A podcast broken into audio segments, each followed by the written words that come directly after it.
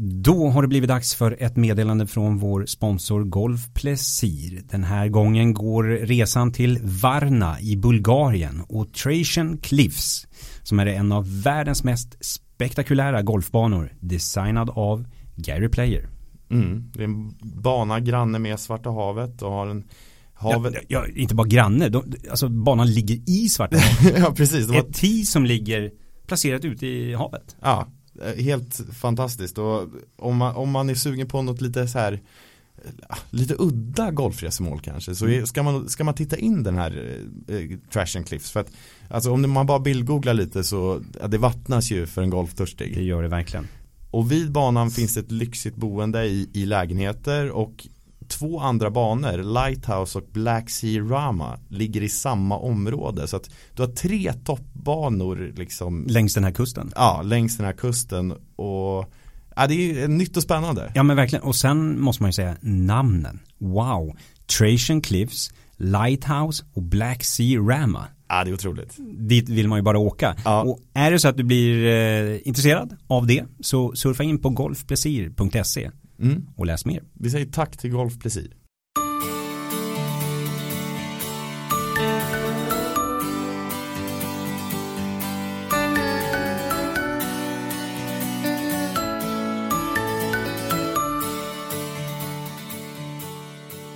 Hej och välkomna till Svensk Golf Podcast. Jag heter Carl Magnus Hellsten. Mitt emot mig sitter min kollega Jesper Johansson.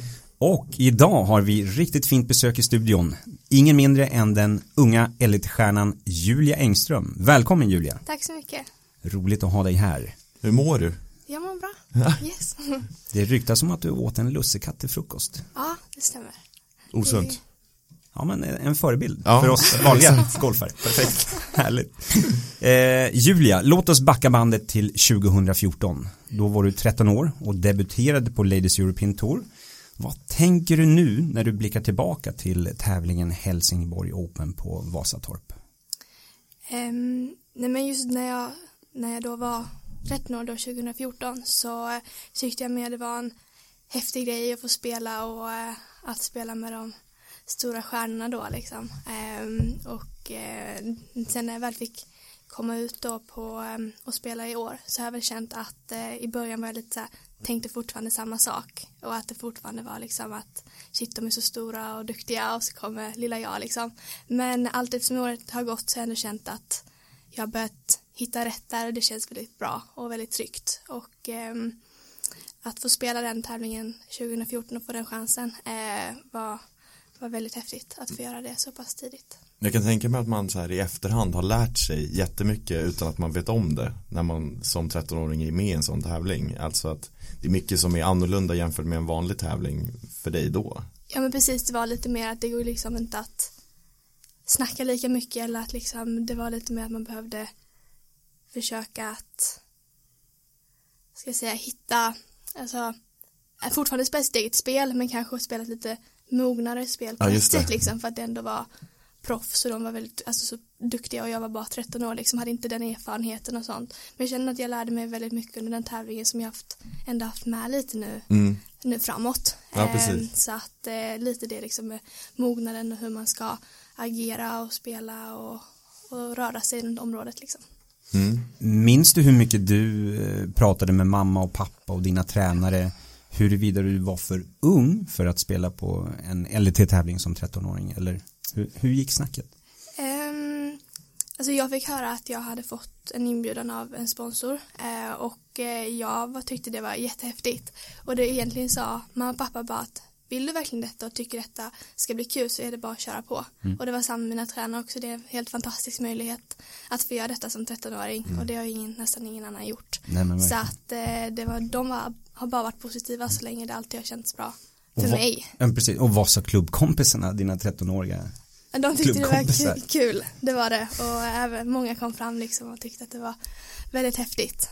Um, att, ja. Men tve, tvekade du någonting då? Kände du, behövde du fundera på det eller var det självklart från början att du ville, ville vara med? Uh, jag kände inte något så att jag, jag ville vara med direkt liksom. Ah. Det var mer liksom mamma och pappa och så pratade lite med tränare och sånt som pratade med men hur om det skulle vara bra eller inte. Men eh, allting var väl, alltså till slut mm. kom de fram till att det var väldigt positivt. Och jag, alltid tyckt, jag tyckte alltid att det skulle bli jättekul så att eh, mm. ja, det, det blev ganska naturligt. Hur, hur nervös var du där på, på första tid på torsdagen? Jag kommer knappt ihåg men jag tror inte det var så här jätte, jättenervöst. Ehm, Blir du nervös nu när du spelar eller är du iskall? Eh, nej men det, det, är klart att det finns nerver. Mm. Eh, det tror jag alla kommer säga att det finns. Men sen så gäller det ju att kunna hantera mm. de nerverna liksom. Och, det, och liksom inte låta dem påverka och att jag spelar nästan bättre när jag är lite nervös. Mm. Ehm, för det, och det visar ju bara att man, man vill någonting liksom. Så mm. att, eh, och det, alltså det betyder mycket. Men sen får du inte gå till en överdrift men jag tycker inte att det är liksom. Nej. Nej. Minns du hur eh, första utslaget gick? Tror det var ganska bra. Jag vet att jag började med par i alla fall. Det var så här tuff par fyra för typ 370 meter och eh, tror jag gjorde par som drive hybrid kommer jag ihåg in men eh, det blev par. Ja, sen så, ja.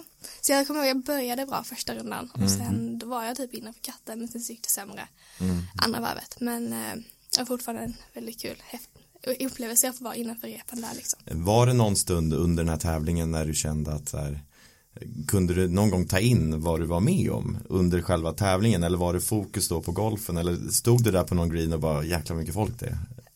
Um, men det tror jag tänkte på lite, alltså man såg att det gick ganska mycket, väldigt mycket folk med och det var ju bara 40 minuter från 45 minuter från Halmstad mm. så det var ju väldigt nära, ja, nära hemma eh, och jag visste att det var många som gick och kollade men jag tyckte nästan bara det var kul att oj men de har tagit sig hit för att titta på mig liksom. Ja. Så att eh, det tyckte jag var kul. Um, eh, ja. ja hur, hur, många kände du igen i, i publiken? Um, 10-20 stycken kanske. Ja. Så att eh, det var ändå en del. Ja men absolut. Mm.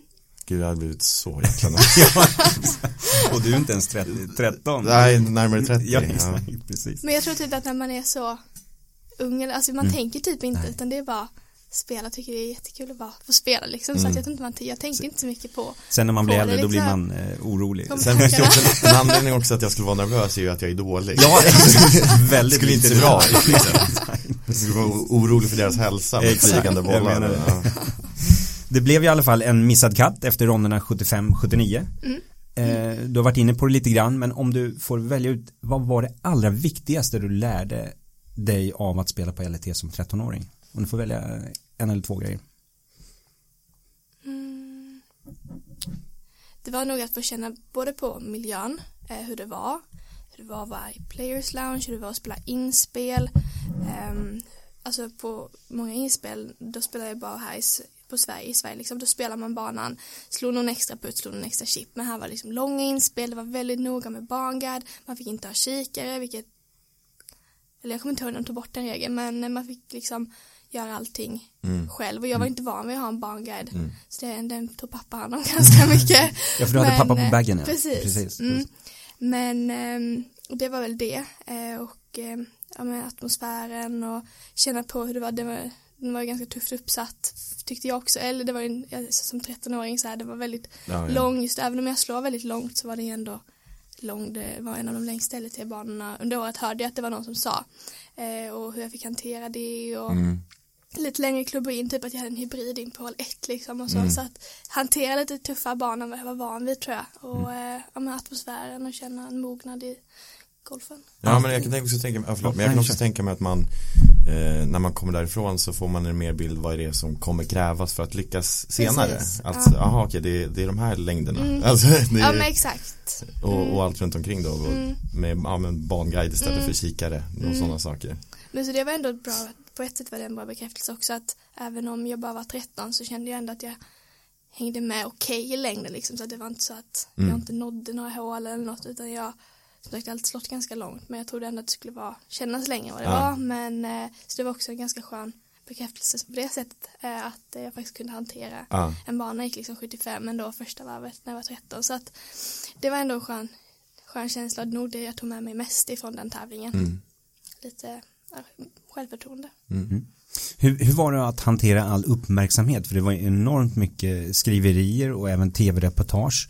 Mm. Eh, jag vet Karo Hedvall, hon ville ta en selfie med dig efter, eh, efter någon runda också. Mm.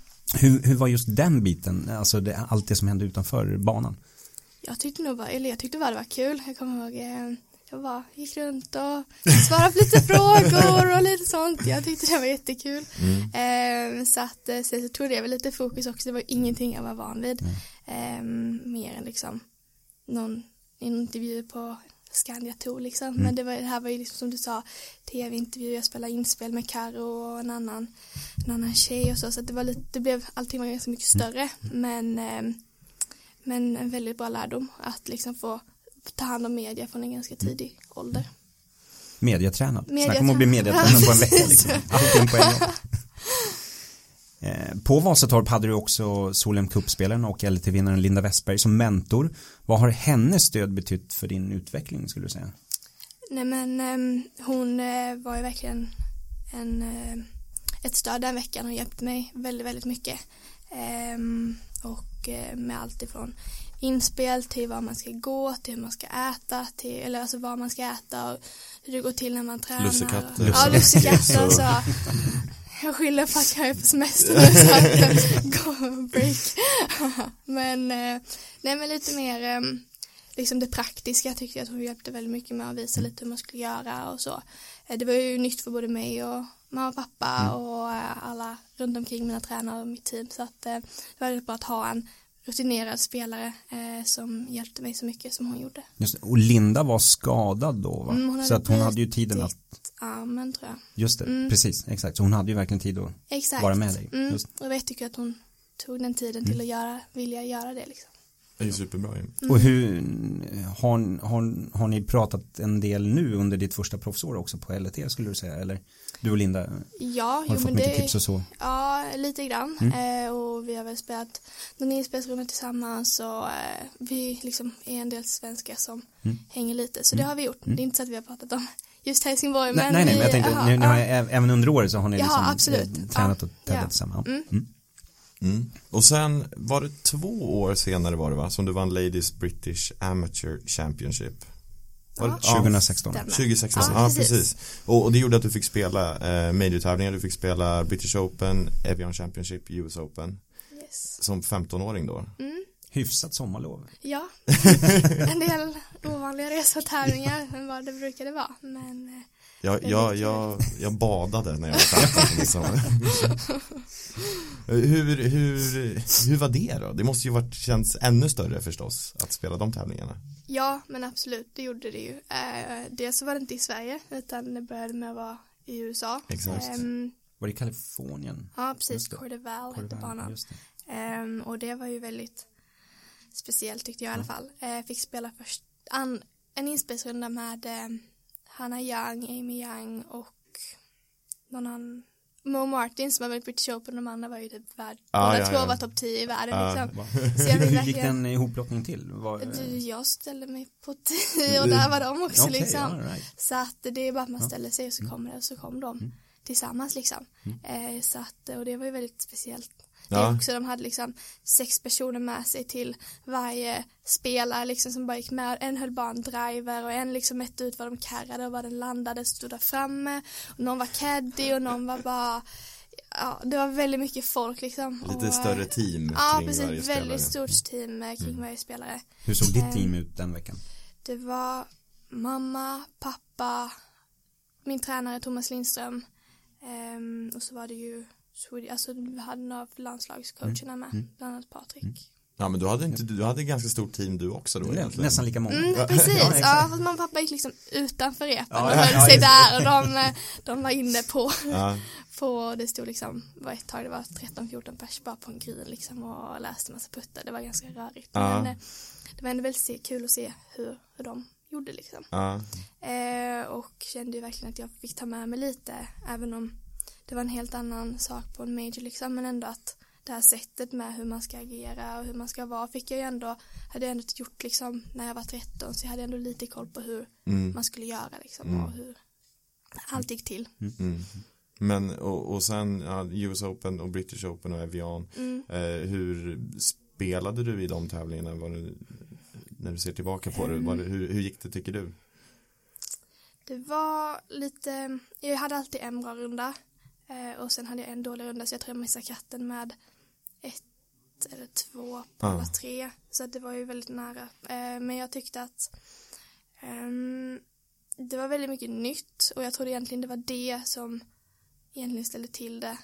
Um, och hade inte riktigt koll på, hade väl inte riktigt rutinen kan jag känna mm. för att liksom verkligen ta det och få spela fyra varv och så, även om det var nära så var det alltid att jag gjorde något för grovt misstag som man mm. kanske kan göra på amatörtävlingar men som verkligen inte går att göra på en major liksom. Nej. Så att det var, ehm, det var väl lite sånt, men som jag ändå lärde mig och det blev bättre och bättre och British Open var väldigt bra och um, eller bättre och Evian tyckte jag ändå jag spelade väldigt stabilt spel på. Mm. Uh, så att jag tyckte jag blev, det blev, kändes bättre och bättre och kände mig mer bekväm även om det inte alltid, även om jag som sagt missade katten både på Evian också även om det kändes väldigt bra där och väldigt mm. stabilt. Mm. så äh, kändes det ändå bättre spelmässigt och jag började komma in lite mer i det. Ähm, så att det var väl lite mer alltså typ hur det kändes som ändrades skulle jag nog vilja säga. Ähm, men äh, också där väldigt bra erfarenhet. Jag fick spela med men på Evian hon som slut hon som vann. Och sen så Aria Jutanogan som är, är hon världsetta nu tror jag. och på British Open fick jag spela med en dansk tjej och Charles Feng som har varit världsetta som ledde efter två varv. Så, fick, alltså, så kom det alltid väldigt mycket kameror och folk och publik liksom. Mm. och det var också väldigt nytt för mig att det liksom kom kameror som verkligen gick precis bakom dig och allting. Och jag var inte van vid det som 15-årig runt där bara, oj vad är detta? liksom. Men eh, det var också något som var väldigt bra att lära sig mm. um, och hur att liksom inte försöka tänka på kamerorna och säga oj står jag i vägen nu? För de, nu ska de filma henne utan att liksom ta plats. För det är ändå jag som ah, som är där liksom och spelar, liksom. nej precis. Nej. Uh, och jag är där för att jag har spelat mig in dit liksom mm. och inte backa undan eller någonting sånt. Så att det, det var också någonting jag kände att jag ändå fick lära mig då just på British Open och Evian. Mm. Vilken av de här tre major-tävlingarna tycker du var roligast att spela? British Open, Evian eller US Open? Mm, bra fråga. De var väldigt olika på lite olika sätt. US Open var ju väldigt cool för att det var min första, mm. första tävling. Just det, major. Um, British Open kände jag att jag spelade väldigt bra. Jag hade väldigt mm. kul. Det var en väldigt mm. fin bana. Um, Woodburn spelade vi som även eh, Just det, i år. 20, ja, 2019, 2019 precis. Um, så um, och sen är Vianney speciellt, det är ett väldigt fint mm. ställe att vara mm. på. Um, men jag skulle nog säga att jag gillade British Open mest mm. faktiskt. Jag tyckte det var en väldigt, väldigt fin bana och mm. väldigt, allting var väldigt bra organiserat tyckte jag. Mm. Du, du, du var inne på det här med att du missade bara något slag och mm. är det alltså hur hur tajt är det egentligen skulle du säga? Är det liksom bara något misstag som skiljer från topp 10 och ja, jag fattar att det är fler kanske nät men alltså men du förstår vad jag menar alltså hur, um, hur jämnt är det där ute? Hur bra är alla?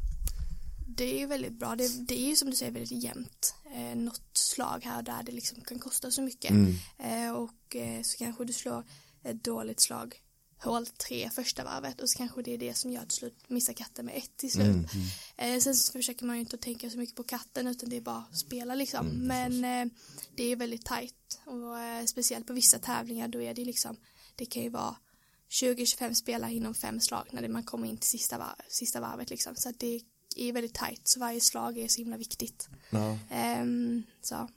Ja, jag förstår. Kan det bli tufft om man går runt och tänker på det på hål 3, runda 1. Ja, så aj, aj, aj, aj. nu är det kört. Nu blir det tufft. Men eh, två majors under sommarlovet. Eh, när man kommer tillbaka till skolan brukar man ju få berätta vad man har gjort under sommaren. Mm. Det var rätt trevligt att komma tillbaka till klassen och berätta. Ja. Och du hade varit på för äventyr antar jag. Ja, verkligen. Och sen så spelade jag Evian då, då hade, fick jag höra sen efteråt att skolan hade satt upp en sån här storbildsskärm där de hade satt upp mm, tävlingen okay. så alla satt och tittade. Så det under var ganska, lektionstid? Ja, under lektionstid okay, wow. i matsal, i kafeterian och sånt. Eh, det är ganska kul, vi är ju en idrott, jag går ju på en idrottsskola. I Halmstad? Ja, precis, Aspero. Mm. Um, och eh, håller som har väldigt många olika sporter. Så alla är ju väldigt idrottsintresserade och tycker det är kul mm. när det går bra för någon annan. Och så, så att eh, det var väldigt kul att få höra det när jag kom tillbaka och alla var jättepositiva och tyckte det var jättekul. Så att, eh, mm. Hur mycket inspireras man av eh, andra idrotter från andra grenar så att säga? Nej men det, jag, jag tycker det är väldigt kul att se hur golfen skiljer sig till, till exempel fotboll och handboll eller så i och med att och hur de tränar, hur de lägger upp med fys och hur mm. de gör liksom med vi har ishockey också, så har vi pingis och sen så har vi liksom en så här, som heter gym fitness där det är mm. vissa, antingen är det bara att man är liksom fys eller är på ett gym två gånger i veckan mm. när vi andra tränar, alltså har vår sport liksom, till mm. exempel golf.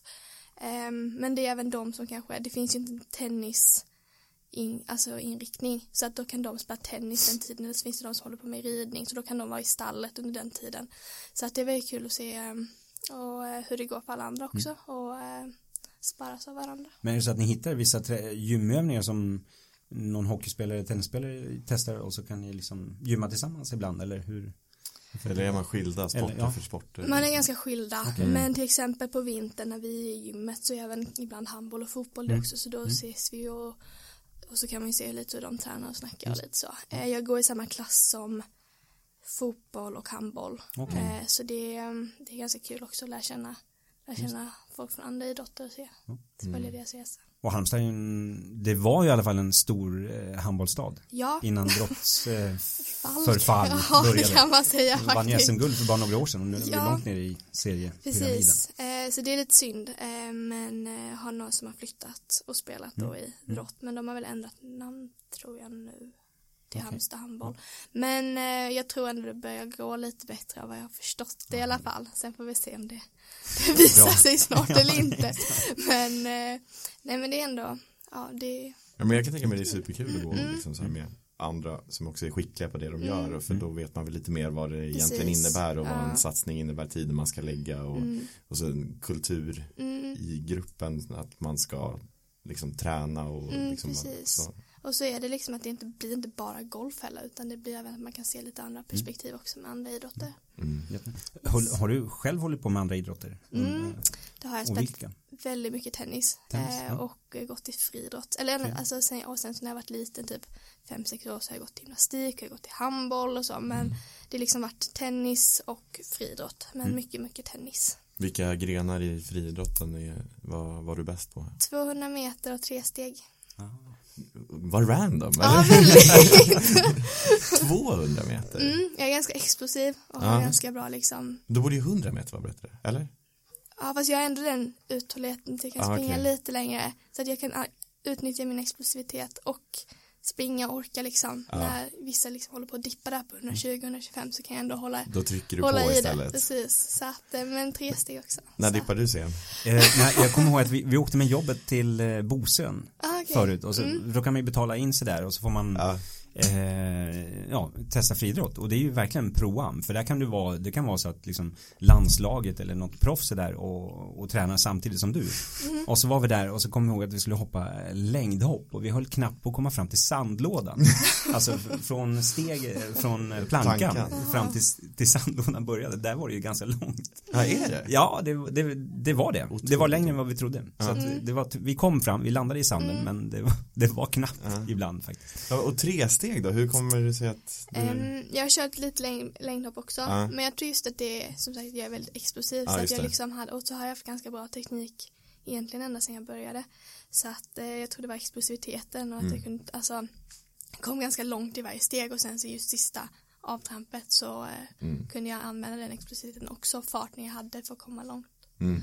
men eh, ingenting Men, jag gör just nu hur långt är det från, från plankan i tre steg till sanden? Det är lite olika, du kan ha liksom 6 meters zon, 7 meters zon, 8 meters zon, ja, 9 meters zon. Så att det är lite olika beroende på hur långt du Det kändes som vi hade en 7 meters zon fram till sanden. Ja, det var därför vi hoppade på en trestegsbana. kanske var det vi skulle ha tagit tre steg. Men alltså många svenska golfproffs brukar säga att en förklaring till att de blev så bra var mm. att de testade just olika idrotter under sin uppväxt. Mm. Håller du med om det där? Och vad, vad är det som gör att man blir så, har så nytta av att testa andra sporter? Men jag tror det är lite att se vad man själv tycker att man känner är kul och vad man är bra på. Om man bara testat en sport då har man inte sett om man kanske tycker någonting annat är mm. roligare liksom. Mm. Um, och sen så tycker jag väl det är bra också från variation. Det är inte, jag tror inte det är bra att man liksom från 9-10 år bara fokuserar på någonting. Jag tror man tröttnar så jag tror mm. det är ganska bra att hålla igång hålla igång och du blir bättre både ja, men fysiskt och du får träffa mer kompisar och du, du, liksom, du inriktar dig inte på någonting eh, och jag tror det är väldigt viktigt och till exempel tennisen har hjälpt mig ganska mycket mm. i um, lite kraft och sving och så. Mm, jag tror tennis och golf är det är olikt men ändå inte så olikt som man, alltså det är Nej, ganska det, likt, det är ja. samma liksom, lite samma, ja men precis, ja. lite så. Um, och, och, när ja. tog du upp golfen? När började du spela? När jag var, jag tror jag började för min, någon gruppträning i Barsebäck när jag var fyra, men fyra. då var det bara så här en gång i veckan, lite knattegolf, mm. lite så här, ja, jag ja, hade, ja, men ja. Och när kände du att det var sporten du ville lägga mest krut på? Mm, nu när jag var 11-12 skulle jag nog säga eh, hade blandat eh, tennis och golf tävlar väldigt mycket tennis också mm. men kände att jag inte hann med hann med att göra både och fullt ut liksom då valde jag lite men jag fortsatte ändå med tennis något år för att ändå hålla igång jag tycker det är ganska bra fys också mm. mm. fysträning och um, men sen började jag då trappa ner tennisen började lite mer friidrott um, och sen så efter ett tag så började jag med att gymma och, och sluta i friidrott och började på gymmet istället mm. Eh, men golfen har alltid liksom varit, jag har alltid haft, vi har alltid haft ganska lätt för golf på något sätt eller och, eh, Ja är man 13 och spelar i Europa då har, då har man ganska Ja men nej, nej men jag har alltid tyckt att det har varit väldigt kul, alltid älskat att blanda stå på rangen ja. och slå liksom och så så att eh, och sen har det ju klart att jag älskar, älskar tennis men fick lite skador också i lite belastningsskador som kom ut från tennisen så det mm. blev lite lättare att mm. välja. Mm, men mm, det var ändå bra tycker jag att jag fort efter jag bestämde mig för att ah, men nu ska jag ändå satsa på golfen liksom. Eh, för det var det också jag tyckte var roligast helt klart. Ja. Så fortsatte jag ändå med tennis något då för att liksom ändå hålla igång det mm. och för att inte bara sluta helt med det för jag älskar ju fortfarande tennis. Var det ett. Men du tävlade också i tennis. Mm. Eh, hur bra var du eh, som um, tennisspelare? Um, jag var nog, jag spelade liksom aldrig så här men jag var nog topp fem, topp tio i min ålder tror jag ja, när jag spelade. Okay, wow. mm. Um, mamma har varit gammal tennis, ja, okay. tennisproffs ja. så att uh, vi har spelat väldigt mycket ah. sen jag var liten. Jag har alltid tyckt det var jättekul. Uh, men uh, som sagt valde golfen sen men uh, var väldigt duktig i tennis. Mm. Um, vi kommer ju komma in på mamma Jeanette mm. lite senare. Hon har ju gått caddy under året yes. på 2018 här. Mm. Eh, är det så att ni har haft med tennis eh, racket i, på resorna runt Nej, om i världen? Nej, det har vi låtit vara hemma. okay. vi, har, vi spelar fortfarande väl en del när vi är hemma. Ja, ni gör det? Eh, mm, Vem vinner försöker. Så det gör ju mamma, jag måste ja, ju säga det. så jag slutade ju liksom satsa när jag var 12 och hon när hon var 26-27 så att hon har ju lite bättre, hon var ju lite bättre, eller ja, mycket bättre. Så, ja. Jag tror aldrig hon har spelat liksom på hennes fulla kapacitet heller när hon har spelat med mig. Mm, men jag hade, alltså jag har ju sett liksom om hon slår en serve kan jag, och en hård serve liksom, jag kan ju knappt ta den. Nej, nej, och när hon liksom placerar, hon placerar väldigt, alltså hon är väldigt duktig. Mm. Ehm, och eh, även om jag var bra liksom för att vara 11-12 så det slår inte det. Så att eh, mamma vinner ganska det, tennis är en svår sport att ha en proam för det är så enorm skillnad mm. på ett proffs och amatör. Ja, att spela med någon som, är, alltså, det behöver inte vara ett proffs, bara någon som exakt. kan spela tennis så, så, så ja, det är kört. Alltså, mm. det går liksom Du möjligtvis kanske kan träffa bollen som Bara kommer men du kan inte styra den tillbaka utan den flyger upp i taket ja, eller golvet och sådär. Ja men det blir ganska bra spel när vi spelar, alltså hon tar inte i sitt bästa Nej. men mm. det kan bli några väldigt bra bollar mm. så att det, mm. det är kul. Mm. Tror du att det är en fördel att du kommer från en familj där idrott har då antar jag varit en väldigt stor del? Eh, jo men det tror jag och det är ganska bra, jag vet ju att mamma har gjort samma resa mm. som mig, hon blev proffs när hon var 16-17 också i tennis så att okay. eh, hon har gjort lite samma resa och vet lite vad det innebär så att det liksom mm. aldrig varit så att hon har, det har liksom blivit några begränsningar eller något utan det har alltid bara varit kör på och gör mm. det du tycker är mm. roligt och, och så så att det, det tror jag absolut och vi har hållit på väldigt mycket med idrott när jag var liten också. Jag, pappa spelade en del golf, har fyra i handikapp så han har varit med mig en del ute på golfbanan och sen så nu i slutet har det blivit, blivit med mamma som har varit med mig men eh, och så har jag spelat mycket tennis med mamma och liksom sen har jag, jag håll, alltså hela, vi har hållit på väldigt mm. mycket med sport och jag har varit med ganska många kompisar som, mina kompisar också hållit på med sport. Mm. Mm. Så idrott har verkligen alltid varit någonting stort i mitt liv. Men tävlar ni om precis allting hemma? Vem som bäddar sängen snabbast, vem som diskar snabbast eller? Nej, Nej, det håller sig på golfbanan. Okej, okay, det är golfbanan. Ja, tennisbanan. ja, skönt. Mm. skönt. Yes. Eh, om vi då backar bandet till december 2017 så mm. kvalar du som 16-åring då in till Ladies European Tour yes. och gick där under jul och nyårshelgen och funderade på hmm, ska jag bli proffs eller inte? Vad var det som till slut fick dig att bestämma dig för att ta steget? Um, alltså jag hade väl alltid tanken när jag spelade i kvalet att det kan ju bli så att jag kommer topp 25. Och då kommer det ju bli så att jag måste välja. Och då hade jag väl egentligen lite så här, ja men, jag hade ju inte spelat kvalet om det inte var så att jag ändå kände att jag hade nej. kunnat liksom bara, oh, men, nej men nu vill jag liksom inte bli proffs helt enkelt. Mm. Utan jag hade ju alltid sagt, tänkt liksom att om det skulle gå vägen såklart jag vill liksom. Mm. Men eh, det tog lite bestämma när det väl hände också. Mm. Eh, men eh, vägde väl lite fördelar mot nackdelar. Men kände att jag ville testa något nytt och mm.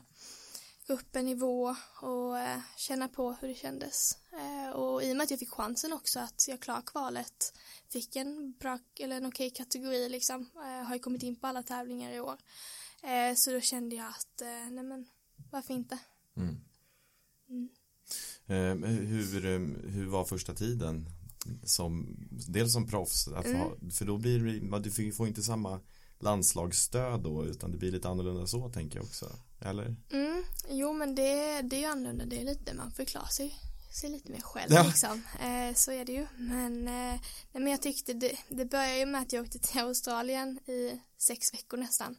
Eh, så att jag slängdes verkligen direkt, mm. direkt in i det. Eh, men det tror jag nästan var bra också för då fick jag ändå känna att jag hade fyra tävlingar på mig och det var inte så att shit nu spelar jag dåligt en tävling och sen så måste jag åka hem och vänta utan jag kunde mm. hela tiden få spela vidare och ändå känna att jag kom in i det direkt att jag inte mm. behövde ta första mm. fyra, fem resorna till det utan att jag ändå fick den Australienresan som ändå var en resa i ett att känna på hur det var och känna på hur det kändes och lite så. Mm. Så att um, det var ju nytt. Eh, det är mycket det var ju speciellt, jag har aldrig varit i Australien, det är en väldigt lång resa, jag var bara där. Precis, jag var borta i nästan sex veckor också väldigt länge. Um, från tränare och från familj och så. Men mamma var mamma med var med. på vägen? Mm, just, men ja, pappa och min just, lillebror då. Ja, exakt. Um, och vad heter kom, pappa och lillebror? Uh, Martin och jag, pappa heter Martin och mamma, uh, lillebror heter Jakob. Martin och Jakob. Yes. Mm, så att det var ju annorlunda både för mig och mamma mm. skulle jag nog, mm. skulle jag nog säga. Uh, men uh, tycker ändå att det var en väldigt bra Eh, start liksom att få göra det direkt och ja. liksom kasta, egentligen inte känna att man kan backa ur på något sätt utan nu är jag i Australien och nu får jag liksom får jag köra detta för detta är det jag har valt liksom. Mm. För det var ju så att först i din fjärde start fick du spela alla fyra varv. Första tävlingen klarade ja, du första katten men ja, inte den andra. Katten, I den fjärde tävlingen spelade du alla fyra varv mm. och fick dina första världsrankingpoäng. Hur, var, hur tuff var just övergången? De första tävlingarna från amatörstatus till proffslivet? Oj. Eh, det var väl första det var väl lite mer tror jag mentalt tror jag kände att oj nu är, det, nu är jag proffs och inte amatör längre men eh, samtidigt så eh, hade, kände jag ju ändå att mitt spel jag fick ju lita på att mitt spel räckte till mm. eh, och eh, jag hade ju kommit in kommit spelat, in, spelat mig in det var lite det som jag tänkte när jag spelade om majorsen att jag är här för att jag har spelat mig hit. Du har förtjänat Ja, jag har förtjänat mm. detta liksom. Så att eh, det var väl svårt där i början. Men sen eh, kände jag ändå, det var ändå kul att förklara ändå första katten där i första tävlingen. Gick Vic Open. Vic Open. Det, ja. eh, sen missade jag den andra katten med ett, vilket just. var ganska tråkigt. Men eh, fick ändå känna på, liksom, nu har jag ändå klarat en katt på alla, mm. inga andra tävlingar är det ju två katter, så mm. det var bara ja, den tävlingen det var det. Och sen så hade jag två lite tuffa tävlingar och sen så fick jag avsluta ändå med spela fyra varv och komma, och komma typ 30 kanske. Mm. Så att eh, ändå få jobba mig uppåt där liksom. Och sen eh, ja, så det skulle jag väl säga att Australienresan var väldigt bra för både lärdom och mm. ja, men ändå liksom känna hur det komma in i det liksom, och bestämma sig för att nej men det är inte så att jag kan backa tillbaka nu liksom. Mm. Vad har du haft för, för mål under året? Har du haft delmål som du skrev så här, första katten, första, eller liksom mm. hur, har, hur, har, hur har det sett ut? Ja men det var ju första katten, topp top 30, topp 10 ah. och sen så var det, eller först så satt egentligen upp att jag ville klara kortet liksom komma topp 80. Mm. Eh, det var väl det största när jag började säsongen liksom. Jag ville inte åka tillbaka till Marocko och kvala mm. utan jag vill vara i Sverige under vintern och eller under liksom i närheten av julen inte komma hem den 22 liksom mm. utan jag vill äta lussekatt äta lussekatt till frukost och ja det kommer jag alltid få höra men eh, nej men så att eh, och sen så var det väl det att bli rookie of the year eh, för det var någon som hade sagt det liksom, men du har ju en bra chans och så. Jag visste inte så här jättemycket vad det var innan liksom, och så kollade jag upp det och bara, ja men det kan ju vara ett bra mål liksom. Och, och sätta upp så att då, det var ingenting jag gick och tänkte på när jag när jag spelade utan det var bara Nej. någonting som kom som en bonus i slutet. Men, ja. Eh, och vad betyder den utmärkelsen? Att bli årets rookie på Ja, det är årets nykomling så ja. att eh, första års bästa första års ja, spelare. Men, alltså det måste ju mm. kännas fantastiskt mm. att få det, den utmärkelsen. Även om det kanske inte var något du jagade aktivt men, Nej, men... det är ändå ett bevis på att du gör något rätt ju. Ja, precis. Det var väldigt kul och, ehm, och liksom ändå, även om det inte var så att jag gick runt och tänkte på det hela tiden så var det ändå ett mål jag hade skrivit upp ja. Eh, och att då få känna att jag hade liksom lyckats med att behålla kortet och blivit rookie of the year och så, så att, eh, och så hade jag satt upp att jag ville spela in mig själv på egen kraft i British Open vilket mm. jag också gjorde så att eh, det är väldigt kul att kunna pricka av det liksom det var inte mycket du missade då egentligen målmässigt. eh, apropå det blir man ju väldigt nyfiken på 2019 vad du har satt upp för mål med tanke på hur bra det gick med årets lista. Mm, Um, jag har inte riktigt satt upp dem faktiskt. Ja. Jag har börjat fundera lite. Um, men um, vi får vi se. Återkommer. Vi, får se. vi, får återkommer. Jag återkommer med det faktiskt. Men eh, i Marocko så tog du din bästa placering. Eh, Lalla Merriam Cup blev den femte plats. Mm. Berätta om den tävlingen. Um, det var väl tävlingen tror jag efter Australien. Just det. Tror jag var ja. första tävlingen efter. Eh, och åkte till den och ändå kände att men nu är jag inte så pass ny på det. Jag har haft fyra tävlingar innan. Eh, jag eh, ja, det gick ju bra i Marocko senast så det var väl lite det jag var. Det var inte samma ställe alls. Eh, men eh, vad heter det, väldigt väldigt bra, fin bana, fint hotell, jättefint arrangerat liksom. mycket bättre än vad jag hade förväntat mig. Mm. Ehm, och speciellt banan gillade jag väldigt mycket, den passade mitt spel. Det var väldigt kul att liksom få den gick ju tillsammans med herrarnas Europatour också. Exakt. Det är det som gör det unikt. De, mm. de kör ju samma, precis. samma stad, samma bana. Samma ja, precis. Vecka. Så att det är samma players lounge Just. och lite sånt. Just. Så att eh, det var en väldigt, tyckte jag, väldigt rolig tävling. Och som sagt kände på inspelet att ja, men, det här är ändå en bana som jag ändå känner kan, kan passa mig bra. Eh, och eh, vilket den gjorde. Så mm, att eh, jag eh, spelade ju bra första okej okay, första två mm. varven mm. tyckte jag och sen så eh, väldigt bra tredje varvet eh, det var en väldigt tuff bana mm. jag tror Jenny vann på par kanske plus mm. ja, par tror jag hon vann på minus ett eller alltså runt par i alla mm. fall vilket är väldigt högt mm. för att ja, ha en vinnarskål liksom ja absolut um, så att eh, gick minus fyra var tre och spelade väldigt bra ja. um, så att eh, det var kul och så fick jag ändå känna lite på hur det kändes att vara uppe i ledningen redan i Marocko liksom. Men jag var väl två slag ifrån något. Jag har, detta har inte jag koll på själv. Det är bara något jag har fått återberätta liksom. Men jag märkte det när det kom kameror liksom och så. Ja. Eh, då fattade jag att det var tecken. lite, det var ett bra ja, tecken. precis. um, nej men så det var jättekul att få um, ja men få känna lite på uh, hur det var att vara i hetluften så pass mm. tidigt och uh, att komma topp fem så pass tidigt gjorde att jag fick en del poäng på eh, Order of Merit-listan mm. eh, så gjorde att det ändå gav en liten liten rygg liksom tillbaka så att jag inte behövde liksom hela tiden känna måste klara kortet, måste klara kortet utan mm. jag kom upp ganska snabbt väldigt högt eh, och det var också ganska skönt både för självförtroendet och lite känslan av att jag kunde slappna av lite liksom. Mm. mm. Då har det blivit dags för ett meddelande från vår sponsor Golf Plessir. Jajamän, företaget grundades redan 1992 och de är störst på golfresor i både Sverige och Skandinavien. Så att rutin och kvalitet, hela företaget andas det. Och som en del av den här världsklassen som de, som de ger till sina gäster så har de alltid en golfvärd på plats. Så resenärerna behöver bara fokusera på sin egen golf? Tänk inte på något annat. Nej. Hur underbart som helst. Och om man vill göra en lite mer udda resa så kan man också kontakta eh, deras systerbolag som heter Out of Bounds som skräddarsyr sina resor. Ja, och vill du åka till eh, bulgariska Trajan Cliffs då surfar du in på golfplesir.se och bokar din resa. Mm.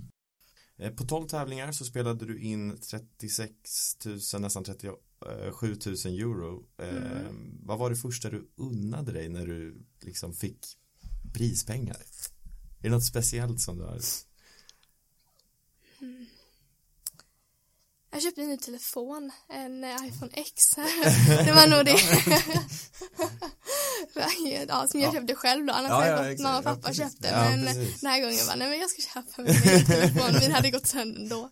Nej men jag vet inte, det var nog det tror jag. Ja, ja du ser. Ja. Den använder man ju dagligen. Ja, exakt. Dygnet runt. Så att det, är, liksom, det är vettigt. Ja. Bra där. Eh, hur skulle du säga att det gick att kombinera livet som golfproffs med skolarbetet hemma i Halmstad? Faktiskt bättre än vad jag trodde. Okay. Eh, jag har haft väldigt tur att haft en väldigt bra mentor och lärare mm. och mm. med hela skolan eh, som alltid har stöttat och alltid liksom hört av sig och skrivit även liksom det har varit någon gång jag inte har lämnat in en inlämning i tid och mm. lite så. Eh, men då säger de, det, alltså det är jättelugnt så länge de får den. Så länge du vinner tävling så är det okej. Precis, ja. det är jättelugnt. Nej men eh, så att jag har haft väldigt tur med det och de har liksom alltid hjälpt till och de har, även om jag vet att jag är ganska mycket extrajobb mm. för dem, de får lägga om lite sin ja, planering. Det, jag får ett eget specialschema liksom så att det är klart att det är jobbigt för dem men mm. eh, då är det ändå kul att de alltid har varit väldigt stöttande och varit väldigt intresserade och jag tror det hjälper också väldigt mycket med att det är en idrottsskola ja, just det, som just eh, som nu de inte vana, nu är jag nog ett extremfall. Det, jag tror jag är den enda mm. som har just det upplägget jag har. Borta sex veckor. Eh, borta sex veckor, ja precis. Såklart. Bland annat. Eh, men de har alltid varit väldigt tillmötesgående mm. och eh, väldigt intresserade också, tycker det är kul. Eh, och mm. inte bara det att okej, okay, men vi är någon lärare, här får du lite Nej. plugg liksom. Utan de har alltid liksom hört av sig och tyckt att det har varit väldigt liksom genuint tyckt att det har varit kul. Så mm. det tror jag har varit väldigt viktigt också för att kunna få det att funka. Hur har studiedisciplinen varit? Har du haft med dig böckerna du har suttit och pluggat på hotellet eh, mellan mm. träningsvarv och in, tävlingsronder och så eller? Ja, ja, det har jag. Eh, det har varit väldigt intensivt, speciellt då från förra året, ehm, så nu ett år. Men eh, tycker ändå att jag börjat komma in i det väldigt bra. Mm. Ta studenten nu till, till sommaren, ja, så att det ska ja. bli kul och känner ändå att jag har hållit, hållit uppe betygen också. Um, är de lika bra som golfresultaten? Um, inte riktigt, men de är, de är ganska bra om jag får säga det ja, själv. Det bra, men det eh, vad heter det, jag lägger väldigt mycket tid på, eh, på skolan och har mm. alltid gjort mm. och tycker det är väldigt mm. viktigt. Mm. Så därför var väl därför jag fick höra lite, men ska du inte hoppa av skolan och så. Just det. Har du blivit proffs och så och tjäna mm. pengar? Jag bara, nej, jag vill, jag vill gå kvar, jag vill ha min gymnasieutbildning ja, ja. och liksom ändå känna att jag har en trygg trygg grund i det. Så att, eh, och då har jag känt att det kanske blivit lite mycket, det har blivit en del plugg liksom. Men det känner jag ändå bara att det kommer kännas bättre för mig och jag kommer kunna få ta igen det. Eh, eller jag kommer ha det sen, bara mm. veta, jag behöver liksom ha den mm. utbildningen liksom. Har mamma Jeanette gått och förhört under inspelsvarven? Nej, Nej, okay. Nej vi håller det till efter ronden, efter ronden och sen eh, Spanska glosor. Ja, precis. Plugga tyska så att ja, eh, hon har Ännu så, värre, grammatik ja, och genau. äh, Mamma pluggar tyska, jag pluggar spanska så spanska ah, hade hon inte right, så mycket hjälp right. till Det är bra, då får ni träna på språken Precis, exakt. ja. Får bara prata tyska när vi spelar Tyskland, bara spanska när vi spelar i Spanien. Mm. Eh, men till någonting egentligen helt annat. Men eh, du sa att du spelade bra i Marocko, att banan passade dig. Vad är det för typ av bana som passar dig och ditt spel? Vad är dina styrkor skulle du säga? Mm, mina styrkor är nog eh, min ballstriking skulle ah. jag säga. Jag slår väldigt långt, eh, slår väldigt bra järnslag, eh, lägger mig ofta ganska nära flaggan. Ehm, och just den banan var det var en del lite längre hål, ehm, det var ganska tufft runt green, väldigt tjocka ruffar, snabba griner. Eh, så att det gällde ändå att träffa en del griner, eller det var ganska små också. Så att träffa griner och eh, ge sig själv lätt, lite lättare puttar för att du kunde få en del, om du slår långt ifrån så kunde du få ganska svåra puttar, om du missar green så kunde du få väldigt svåra närspelslag. Mm, så att ehm, just att jag slog ganska långt och slog väldigt rakt, alltså bra järnslag liksom. Mm. Så att eh, min styrka är min ballstriking. Mm. Och om du har någon svaghet, vilken skulle det vara? Um, Vad skulle det vara? Min, alltså, jag har alltid varit väldigt bra på att slå bollen, alltid stått väldigt mycket på rangen, inte lagt så jättemycket tid på, på puttinggreen. Tyckte det var ganska, alltså när jag var mindre då, eller mm. yngre, så jag tyckte det var ganska tråkigt att stå och putta. Um, men det är någonting jag har ändrat om helt till i år. Uh, jag har lagt väldigt mycket tid på min puttning, mm. um, testat mycket nytt, mycket nya grepp, uppställning, putters, allting bara liksom börjat om från scratch och liksom bara okej okay, nu ska vi bara göra detta, göra om, göra rätt liksom. Mm. Eh, och det känner jag verkligen att jag har börjat få, det börjar ge lite det resultat. Börjar ge resultat. Ja. Det blir ganska osäkert ibland när man ändrar hela tiden. Mm. Men jag börjar verkligen hitta någonting som, som passar mig och som känns rätt för mig. Och det är ju det viktigaste egentligen. Men eh, har ändrat om som sagt helt i tekniken. Men eh, det känns väldigt, väldigt bra. Och mm. Eh, jag tror egentligen där jag fått några, fick, har fått en del lite lägre resultat i slutet och det kommer ju från en bra ballstriking kombinerat med bra puttning så mm. det är lite där det kommer ifrån så det är ganska skönt att se som sagt att det ger, ger resultat. Mm. Um, så att uh, det har väl allt som sagt varit puttningen men uh, som jag nu faktiskt börjar, har jobbat ganska hårt med för att, för att höja. Hur ser en, eh, en vanlig träningsvecka ut för dig? När jag är hemma? Ja.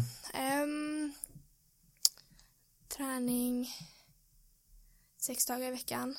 Eh, går i skola och har det off-dag på fredagar. Mm. Eh, så jag går bara i skolan en dag i veckan. Mm. Men, eh, alltså i skolan då när jag är mm. hemma. Men sköter ganska mycket hemifrån på kvällar eller på morgnar. Eh, så att jag försöker få in lite, lite av allting. Ibland periodiserar jag det lite så att ibland är det mer sving, ibland är det mer närspel, ibland är det mer puttning. Men ofta ser veckorna ganska lika ut på mm. hemmaplan. Jag har träffat min tränare en ett par gånger, några gånger i veckan. Um, vi stämmer av, kollar lite, vad, okay, hur, hur går det med det vi jobbar på? Vad behöver jag fortsätta jobba på? Behöver vi göra något nytt? Stämmer liksom av allting. Um, sen så tränar jag på det. Och sen så fortsätter det så. Så att veckorna hemma ser ganska lika ut förutom att det kanske blir lite som sagt periodisering. Men mm. ändå men hur många timmar träning blir det per dag? Alltså inte fredagar då kanske, utan de andra? Det är väldigt olika. Ja. Men eh, alltså det, är ju, det har ju blivit, det är ju lite som ett jobb liksom. Så ja. att det blir väl en, jobb, en jobbdag. Ja, det är väl det som krävs egentligen. Precis. Eh, Annika Sörenstam gjorde ju tusen situps om dagen och ja. var som mest aktiv under sin karriär. Hur många gör du? Inte riktigt på tusen än, men eh, jag tycker det är väldigt kul att fysträna och mm. Eh, ja, vara i gymmet och känna att man blir starkare och eh, tycker det är väldigt skönt att vara spring, springa lite så att eh, jag är en del på gymmet men mm. tusen situps är väl kanske där jag inte riktigt än kanske kommer, jag får se Jag är inte ens tio om dagen kan jag säga. Jag är 20 om dagen. Ja, starkt. Ja, varje, varje morgon. morgon. Ja. Eh, men mamma då, eh, Jeanette som var caddy under hela 2018. Hur mm. var det att jobba tillsammans? Det var, det var bra tycker jag. mamma har inte varit med på tävlingar så mycket innan.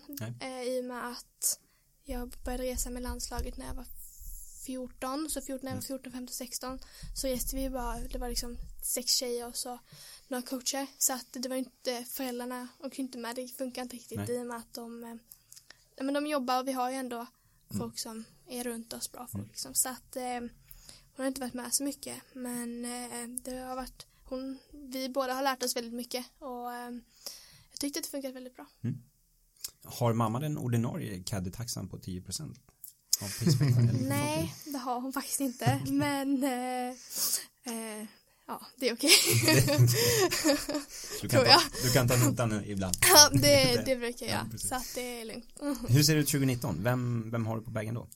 Um, fortsätter mamma eller? Fortsätter mamma. Uh, jag får ju, måste ju ha med mig någon tills jag mm. fyller 18. Eh, så att ja, eh, mamma är definitivt med ja. tills jag fyller. Mm. Eh, sen får jag se lite hur det ser ut. Mm. Eh, vi har inte riktigt kommit längre än till sommaren men hon är definitivt med mm. till sommaren och sen så får vi se om hon kanske fortsätter. Eller så försöker vi hitta en ordinarie caddy liksom som, eh, som, får, som får gå. Mm. Det får vi se lite mm. men eh, ja förhoppningsvis det funkar ju bra så att vi får se lite hur det går men det är ju ja hon ska ju också hon har ju ett annat liv också än att bara liksom cadda mig så att eh, men hon tycker det har varit väldigt kul i år så att, Det är väl ganska skönt att åka iväg sex veckor till Australien Precis. i början på januari. Exakt. Där. Gör det också. Om du vill ha, om du vill ha en caddy så jag, jag, jag tar den. Ja absolut. Vill, behöver inte ta 10% caddy-taxa så att säga. Utan jag, jag gör det för ja, mat och boende. Det, ja, det, det räcker. ja, det det blir lugnt. ja, ska vi ta och summera 2018 och du kan få sätta ett betyg på din rookie-säsong. Um, vilken Som skala? Proffs. Ja, ska vi säga 1 till 10? 10, 10 är uh, världsklass. världsklass. Um, ja, men för mig själv skulle jag nog sätta ja, men 8 kanske. Mm. Uh, 8, 9. Jag tycker ändå att jag har um, jag har utvecklats på det sättet jag har velat i år. Um, jag nådde mina mål, jag eh, kom topp 20 på LET-rankingen då, så jag får en väldigt bra kategori till nästa år. Um, jag vann två tävlingar på undertouren till Letas. LET som heter, ja precis, Letas. Um, så att, uh, ja jag trodde kanske inte liksom att jag inte skulle vinna um, en tävling. Uh, och sen så blev det två, fick avsluta mm. året på Letas med en vinst. Mm. Uh, gick minus sex för sista, sista varvet. Så att, um, nej men jag skulle definitivt summera det, både hur, liksom, hur jag själv har utvecklats som person och golfare. Mm. skulle jag nog sätta med 8-9. Mm. Vad gör att det inte är en 10 av 10? Mm. Är det LT-segern som ja, saknas? Ja, det är nog den som saknas ja. där faktiskt. Ja. Mm, men eh, annars är jag faktiskt väldigt nöjd med, med året mm. faktiskt. Men anledningen till att du spelar då på undertoren eh, letas beror ju delvis på att LT har ett väldigt dåligt eh, utbud med tävlingsprogram. Mm. Alltså det är så långa uppehåll mellan tävlingsblocken och väldigt få tävlingar.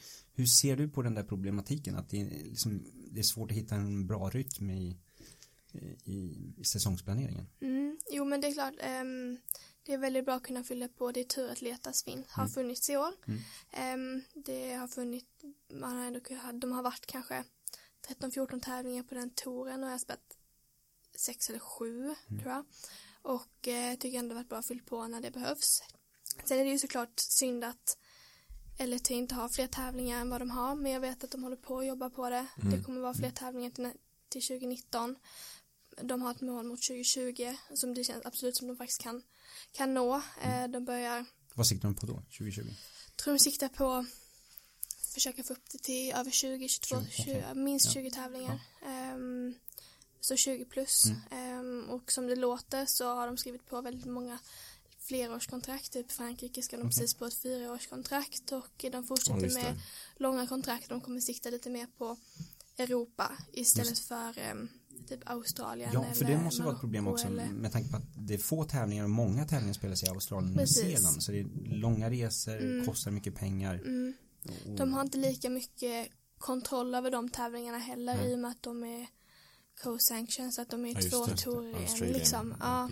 Och nu har de ju dessutom gått in i LPGA vissa av dem, Vic Open till exempel. Precis, eh, så att Vic Open köpte upp den tävlingen eh, eller huvudsponsorn eh, och vilket, vilket är synd mm. eh, för att även om det har varit väldigt få tävlingar på LET eller få få, jag tycker ändå att jag har fått det tävlingsschemat jag velat ha. Sen mm. såklart så har jag fyllt på det med Letas. Men just de, de tävlingarna som är tycker jag har varit jättebra. Eh, mm. Det är en väldigt jag tyckt touren har varit jättebra. Um, staff, alltså folket som jobbar där är jättebra. Väldigt så att de är nästan som en LET-familj. Liksom, mm, att mm, de är mm. på varje tävling, man lär känna dem. Um, väldigt liksom så här ner fötterna på jorden, väldigt så här, så just och väldigt bra arrangerade tävlingar, just även de tävlingarna som har varit. Så att jag hoppas att de verkligen kan försöka höja, mm. höja både prispengar och och tävlingar för att det, det är en bra tour. Mm. Eh, Men du fått, trivs? Jag trivs jättebra. Mm. den har fått en del skit om mm. massa tävlingar, få mm. tävlingar och sånt.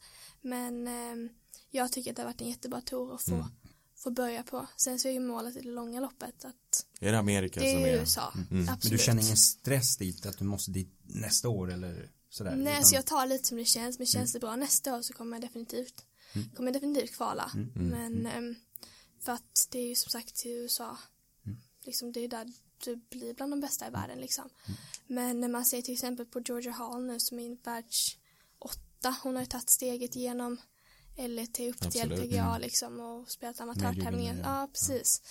Så att eh, det finns absolut en väg att gå mm. genom mm. LET. Eh, och det viktigaste tycker jag nog är att man liksom vet att ingens väg ser likadan ut utan eh, det finns olika vägar till toppen. Mm. Så att, eh, men eh, som sagt, LET har haft ett sämre schema definitivt. De har haft en lite väldigt stor svacka. Men det känns som att de är på väg upp och jag trivs väldigt bra på LET. Så jag hoppas verkligen att det blir det blir bättre igen. Du var, du var 13 när du spelade en svensk tävling på Ladies European Tours. Mm. Hur mycket saknar du det idag? Hur, hur gärna skulle du vilja ha en? Nej men det hade betytt jättemycket. Eh, det tror jag att få komma hem och få spela på hemmaplan och liksom visa upp Europa för Sverige. Alla vet att det är väldigt många det snackas ju mycket om Sverige och hur bra golf, ett så litet land med så mycket golf. Eh, mm. Så att, eh, nej men jag tror absolut att eh, det hade varit betytt jättemycket både för spelare och, eh, och även små eh, unga tjejer liksom som hade kunnat gå, gå och titta på sina idoler. Och jag vet att jag har sett upp väldigt mycket till jag tror jag var och tittade på den när den gick 2013 då året innan jag själv fick spela det. Och eh, ja men jag, vet, jag tror att det, man ser på tävlingar liksom när vi spelar att det kommer ändå ut en del juniorer. Och eh, det hade varit kul att få en sån tävling tävling i Sverige och få inspirera unga och tjejer också mm. visa att Sverige också har en tävling vad tror du det betyder på lång sikt om det fortsätter att inte komma en tävling till Sverige så att man börjar vänja sig med att nej det finns ingen tävling i Sverige. Hur tror du att det kan påverka jag intresset för golfen ja, för uh, unga tjejer? Och nej men jag tror att om det inte finns någonting att se upp till och någonting som man kan liksom ha ett mål att sträva efter så tror jag inte att man kommer fortsätta. Det viktigaste är ju liksom jag tror att man sätter upp mål och verkligen tycker någonting är kul liksom. Jag har ju alltid sen jag spelade, även nu fick jag chansen att spela i 2013 och det har alltid varit shit nu så jag ska bli proffs liksom. Mm. Och även när jag fått gå och titta på det och jag har sett på Barsebäck och jag såg Solheim Cup 2007, 2007 på ja, Halmstad och sånt. precis. Så att det, det betyder jättemycket. Mm. Så att eh, jag hoppas verkligen att eh, det går att lösa en tävling inom någon framtid för att eh, jag tror det betyder mycket för, eh, för golfjuniorer och eh, ja, även för oss spelare tror jag. Um, snart så ska vi låta det gå, vi ska göra lite snabbfrågor och sånt där först. Yes. Men innan dess, vad, hur ser, om vi pratar lite framtid och lite längre perspektiv, om, vad gör du om eh, fem år och vad, hur långt har du kommit då? Förhoppningsvis spelar jag på LPGA um, och är, um, konkurrerar om att få spela en plats i OS 20 20 i Tokyo? Ja, det är inte det här blir tajt på fem det år. Det blir tajt där, Ja, det blir fem år. Men 2024? 2024, 2024, precis. Just det, och det är i Är det Los Angeles? Los Angeles va? Och de fick det igen. Mm.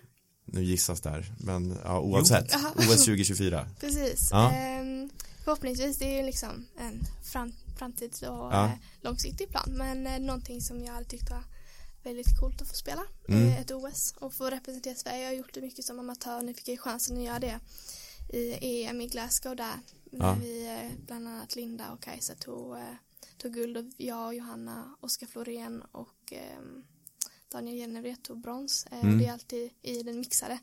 Så det är alltid väldigt speciellt att få representera Sverige. Så att få göra det i ett OS-sammanhang hade varit väldigt häftigt. Ja, just det, och OS 2024 är i Paris. Okay. 2028 ah, okay. är det i Los Angeles. Ah, okay. ja, Bra googlat Ja, exakt. Och 2024 då kanske det kan bli Le Golf National Ja, kanske. Mycket möjligt. Ready Cup-banan, mm. kanske. Men ja, landslag, är det någonting som är varmt om hjärtat eh, för mm, dig? Absolut. Um, jag fick spela mitt första uppdrag och ta på mig de första blågula kläderna när jag var 12 när jag vann eh, Scandia Cup då.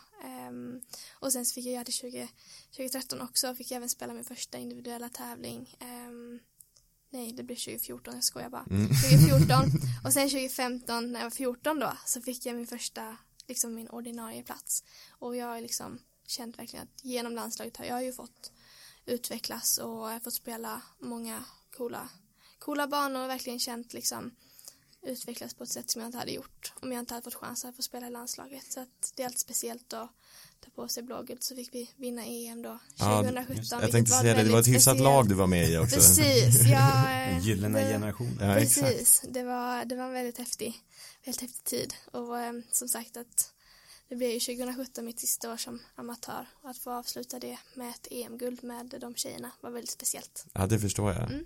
Hur häftigt som helst. Mm. Hur är det, alltså hockeyspelare, fotbollsspelare, de sparar ju sina, alla sina matchtröjor från mm. olika lag och klubbar och landslaget. Hur, hur gör en golfare? Sparar man sin första golf, landslagspiké och um, sätter upp på väggen eller? Jag har sparat någonting men sen bytte vi sponsor så att vi behövde ju slänga allting och klippa sönder allt. Men, ja, du fick inte ens spika upp den på väggen hemma? Jo, jag har behållit lite kläder. Ja, det gjorde det. Ja, som exakt. minne. Men det ja, precis, det, det klipper vi bort. Nej, men, men ja, eh, bara de använder jag inte. Men eh, bara för att ha. Just Det, Jag misstänker att se en fråga där för att han har hela har hans en- lägenhet, den är, det går liksom inte att se tapeter. Nej, inte hela, så inte hela lägenheten, då skulle jag bli utskickad därifrån. Men jag har en, en, en städskrubb där, som, en gammal städskrubb som är omgjord till sportgarderob och där Ja. finns det nog 200 matchtröjor ja, kanske. det finns det. Nerpackat och Hur många landslagströjor har du Vad kan det vara? med ditt namn på ryggen? Nej, jag, in, in, inget med mitt namn. Och är det mitt namn så har jag tryckt dit det själv. En sån här supportershop. Ja, Men okej. 30 kanske, landslagströjor, olika land, land, länder och så. Ja. Ja. Galet, eh, sök hjälp. Mm. Punkt nu, typ. Eh, men om vi tittar på LPGA och Solen Cup. Mm. Vad tror du kommer, vart når du först? Av de två? Oj. En bra fråga.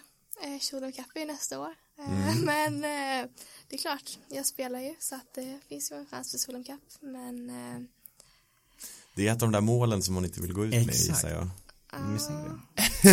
ja, nej men det är klart att det finns alltid i bakhuvudet. Men det är nog inget sånt jag bara, då tror, tror jag heller att 20, 21.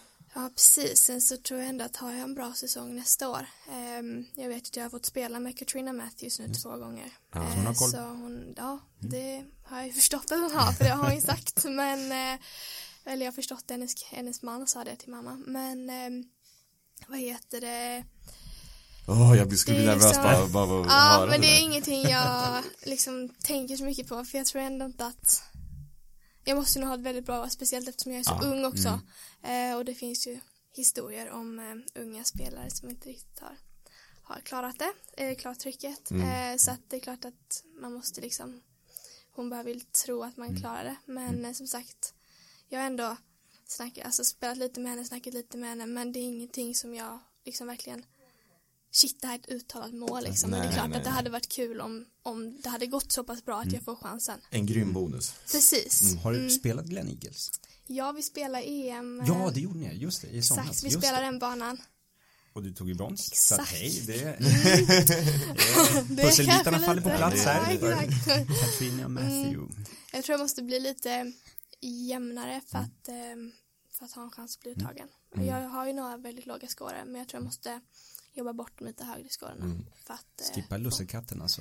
Ja, det händer ju inte så ofta då. Det är nu Lucia och så. Det var jäkla ja, otur att det var just idag Ja, jag skulle ha sagt att jag käkar scramble eggs Ja, eller ja, någonting exakt. sånt. Brukar göra det faktiskt. Nästa gång vi Ja. gör podden så är det bara Ja, hälsokost innan. Så jag brukar äta det. Men idag blev det en lussekatt. Vi hade kvar sin Lucia igår. Ja, det är bra.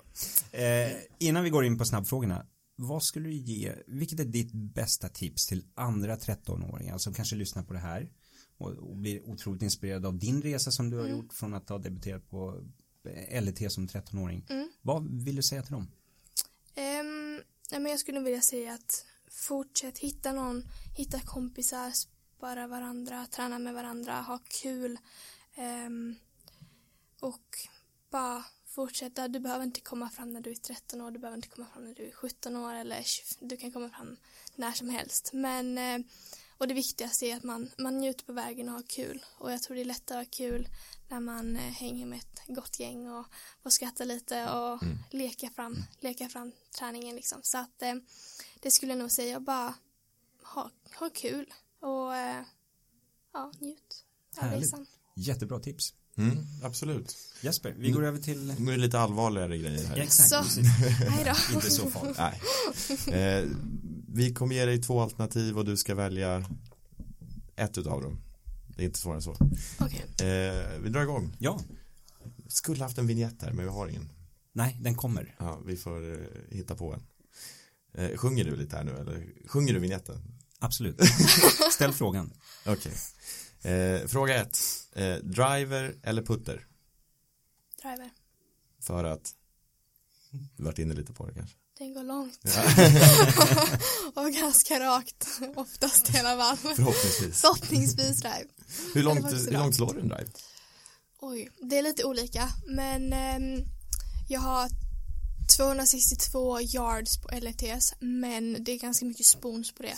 Eh, för jag har slått ut en del spoons på de hålen. Så att ehm, 275 yards skulle jag nog säga om jag får liksom. Och kan någon som är snabb på matematik räkna ut vad det är i meter? Minus 10 procent Ja, Ja, men det hjälper mig inte.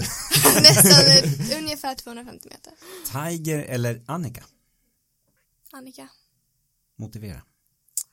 Hon är från Sverige.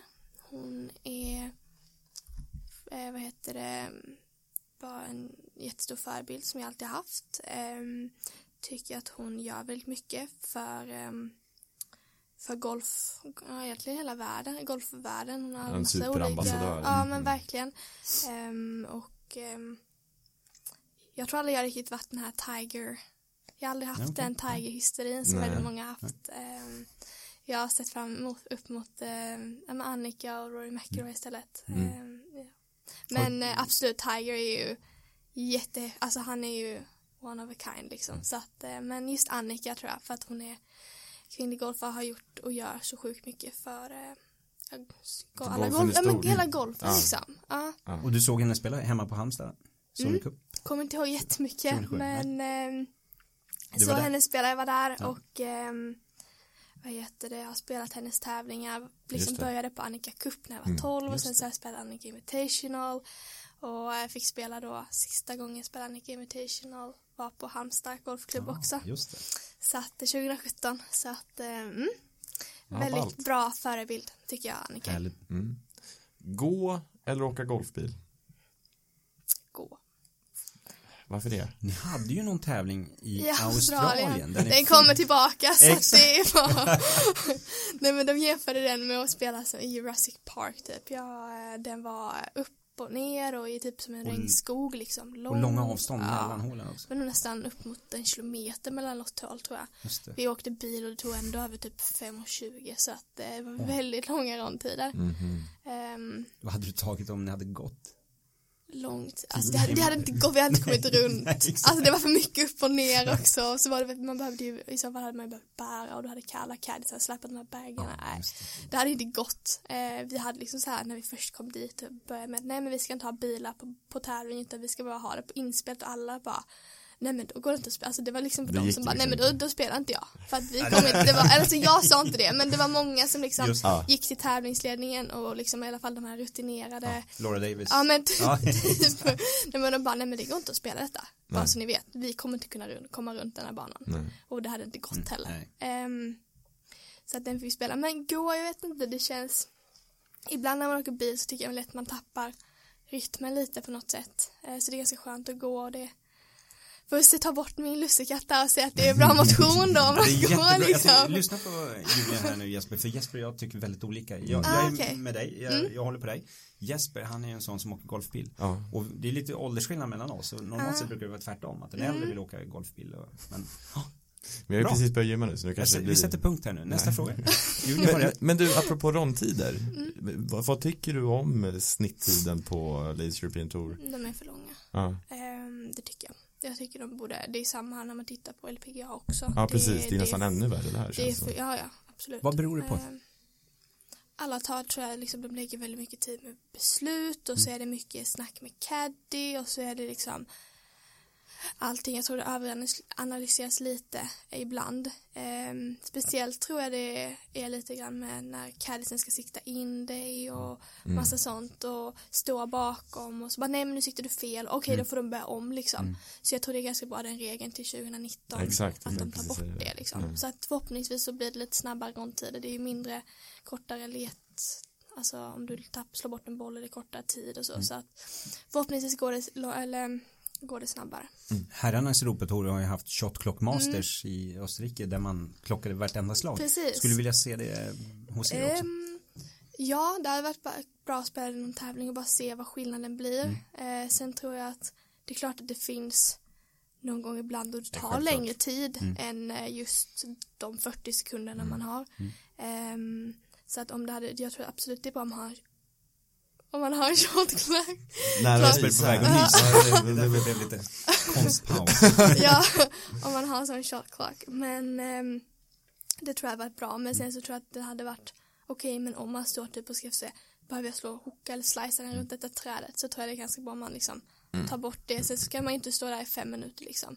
Men jag tror absolut att rondtiderna måste bli snabbare. Eh, lo, eh, mm. Ja, men snabbare tider för att mm. eh, gå kortare rundor. Ladies European Tour eller LPGA Tour? Oj. Nu får du problem här. Nu får jag problem här. Gud. Um, båda på olika sätt. Jag kommer inte kunna välja Nej, där. jag förstår det. Um, Ladies European Tour för det är där jag spelar just nu. Mm. Uh, men sen såklart att hade jag fått välja mellan att spela på LET eller LPGA resten av livet så är det klart att jag hade valt LPGA. Mm. Men uh, det är ju en större tour, starkare tour, mer prispengar, mer det är där ja, större utmaning, större bästa utmaning, spelarna. större, bättre, eller inte kanske alltid bättre men uh, tuffare banor. Alltså, mm. Så att hade jag fått välja mellan något som sagt hela tiden spela LT eller hela tiden spela LPGA så hade jag definitivt valt LPGA. Mm. Men eh, ja, det var en bra fråga. Men, eh, Den sista antingen eller frågan är Solheim Cup eller OS? Det var inga lätta frågor jag fick här. Alltså, Ska det bli snabbt också? Ja, men oj. 40 eh, sekunder att svara, ja. eller Shot clock. OS. OS, ja. Mm. Nej, mm. jo. ja, du mm. bestämmer. Mm. Jo. Jo, OS. Ja. Mm. Då tar vi det. Sen går vi över till lite frågor med utan antingen eller. Utan, men här får du fylla i svaren mm. lite mer. Eh, hur ser din drömfyrboll ut? Måste det vara golf eller kan det vara vem som helst? Nej, det kan vara vem som helst. Levande, levande eller, eller ja, Rory McIlroy. Um,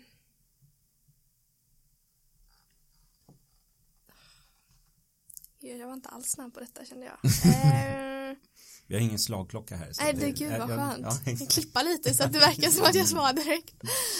Um, stilla. Ja, men dina förebilder, vilka är dina förebilder uh. utanför golfen kanske?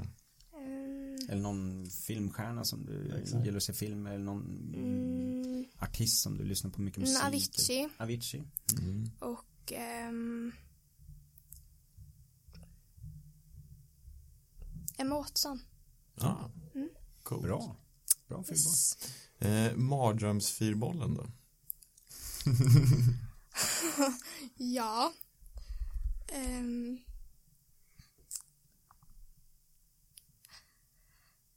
Alltså jag tror egentligen inte det är så här, det är bara folk som spelar, alltså om de så här är dryga och är långsamma och otrevliga. Det hade, sen spelar vet jag inte om, alltså så här det kan jag inte Nej, så här, men Marcus eh, Kinnelt sa något liknande, han sa uh, Sven, Benke och Steffe på klubben ja, men, som är, spelar ja, på 5.30 och, och ja, inte kan träffa en fairway alltså, så. Ja men lite så det är svårt att välja liksom så, men som sagt när folk otrevliga, långsamma och eh, dryga skulle uh. jag säga det är liksom det hade det gått bort. av. Ja, mm. men det var, det är inte okej. Sen har vi favoritbana i Sverige och där får du inte säga din hemmabana. Ringnäs, utan um, något annat. Någon kanske någon pärla, någon dold pärla eller något sånt där som du vill lyfta fram eller ja. Men Välj vilken du vill. Förutom hemmabana. För det förstår vi är ju din favoritbana egentligen. Vi tänkte. Jag har två, så jag måste ja. försöka. Är det okej okay att säga ja, bara? absolut, säg båda. Halmstad, GK och Barsebäck Masters Course. Mm, är det norra på Halmstad eller? Ja, men jag gillar faktiskt södra ganska mycket också. Mm. Um, de är väldigt olika. Södra är kortare, tajtare. Väldigt, men jag tycker den är väldigt fin också. Uh, den är liksom lite underskattad faktiskt. Den har ju lite otur som ligger som systerbana till Precis. norra. Som mm. är som är alla tog, ja, norra är ju en, de har haft Solheim Cup och de har haft mm. liksom mycket bra tävlingar. Det är en väldigt precis. bra golfbana. Eh, så därför är det synd att södra har blivit så. Det är inte så många som vet hur södra är. Det är Nej, alla vi har spelat norra liksom och vet och sett norra och sånt. Men eh, Halmstad skulle jag säga och eh, Barsebäck. Mm. Finns det någon bana du ännu inte spelat som du skulle vilja spela? Brohof. Mm. Har jag inte spelat. Det är lite oväntat. Mm, ja, det är ju det. Du är ju uppe i Stockholm här nu. Det är mitten av december då. Ja, ja jag tror faktiskt inte jag kommer ut och jag lämnar klubborna hemma också. Ja. Så att... Och det är, rullgardinen är nere. Det är ja. tre på eftermiddagen. Ja. eh, nej men den eh, ska, ska jag spela någon gång. Men mm. eh, har inte faktiskt fått tillfälle att eh, göra det. I världen då, om du ser lite bredare? Jag vill spela Augusta. Mm. Vem vill inte det? Vem vill inte spela Augusta liksom? golf, om man är ett golffan. Nej men det hade varit eh, häftigt. Får se, det finns nog inte jättestor chans att jag får göra det tyvärr men eh, det hade varit kul att få göra det någon, om det mm. hade funnits en möjlighet. Men eh, det tror jag inte. Det är väl bara Masters egentligen som går där. Jag tror inte det är många fler. Nej, nu kommer det ju finnas en uh, amatörtävling för damer. Just det. Just Är det på onsdagen där? Det kanske gör de bättre. På lördagen? Alltså veckan innan. Kommer, ja. Mm. ja, nämn ett slag i karriären som du skulle vilja slå om.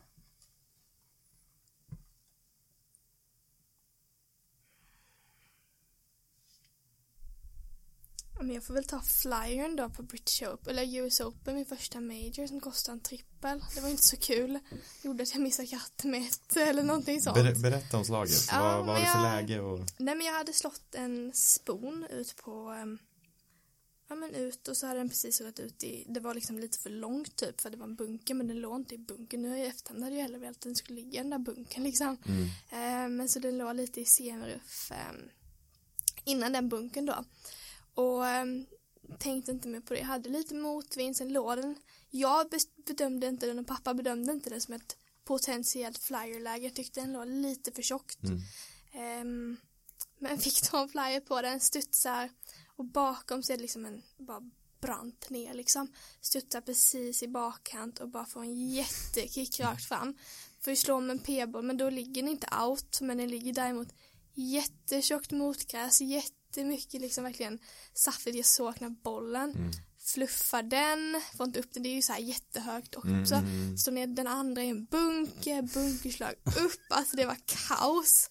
Och egentligen väldigt bra träffat slag som bara shit så den flyger, bara det här är bra liksom. Och så bara rakt över flaggen och så bara alltså sämsta kicken Ja, sämsta kicken och så ehm, och det var ju andra varvet då. Så att eh, Och missa katten med ett. ett eller Just. mm. Ja, den kvalar ju direkt in på listan. Så att det var, det är nog det jag liksom Ja, jag försöker glömma de dåliga slagen liksom men just den kommer liksom Då kommer alltid... du gilla nästa fråga. Mm. För vilket är det bästa golfslaget du har slagit i karriären?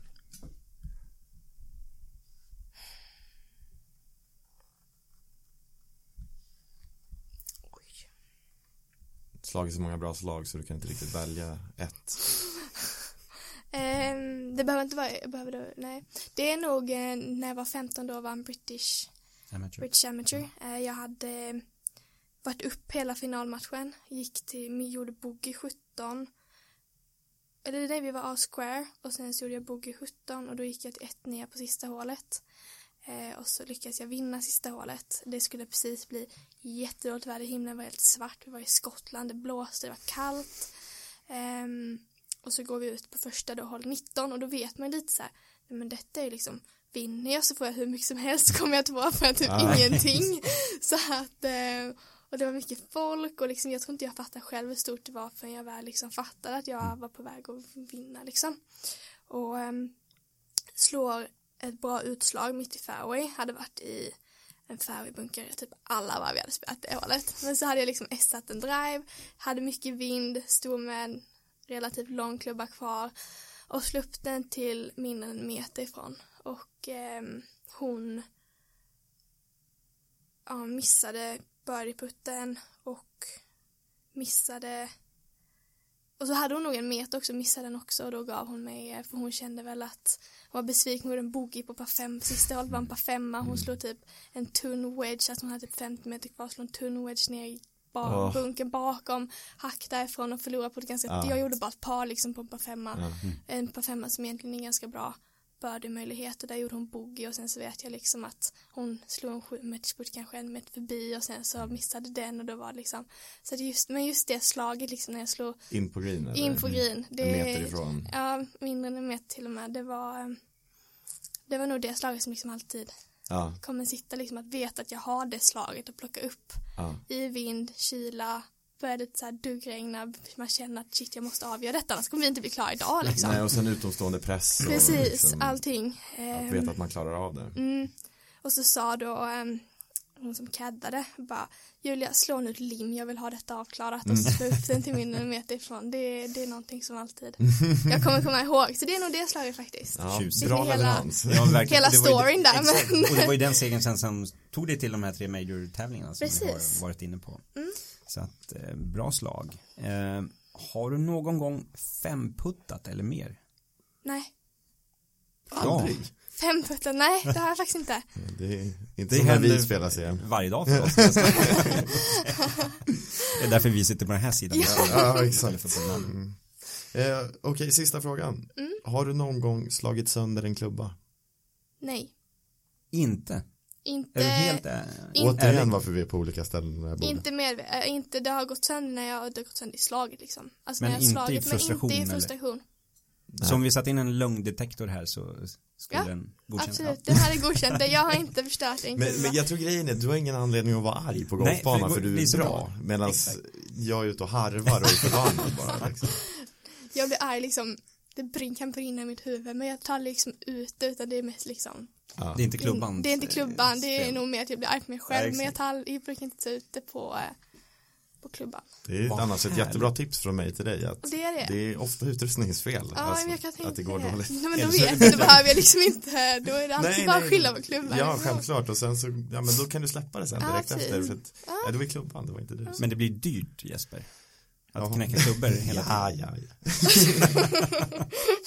Inga konstigt. Nej, exakt. Så eh, ett bra tips till er som lyssnar, eh, knäck inte klubborna. Nej, har man ju inte den klubban med att spela på det varvet.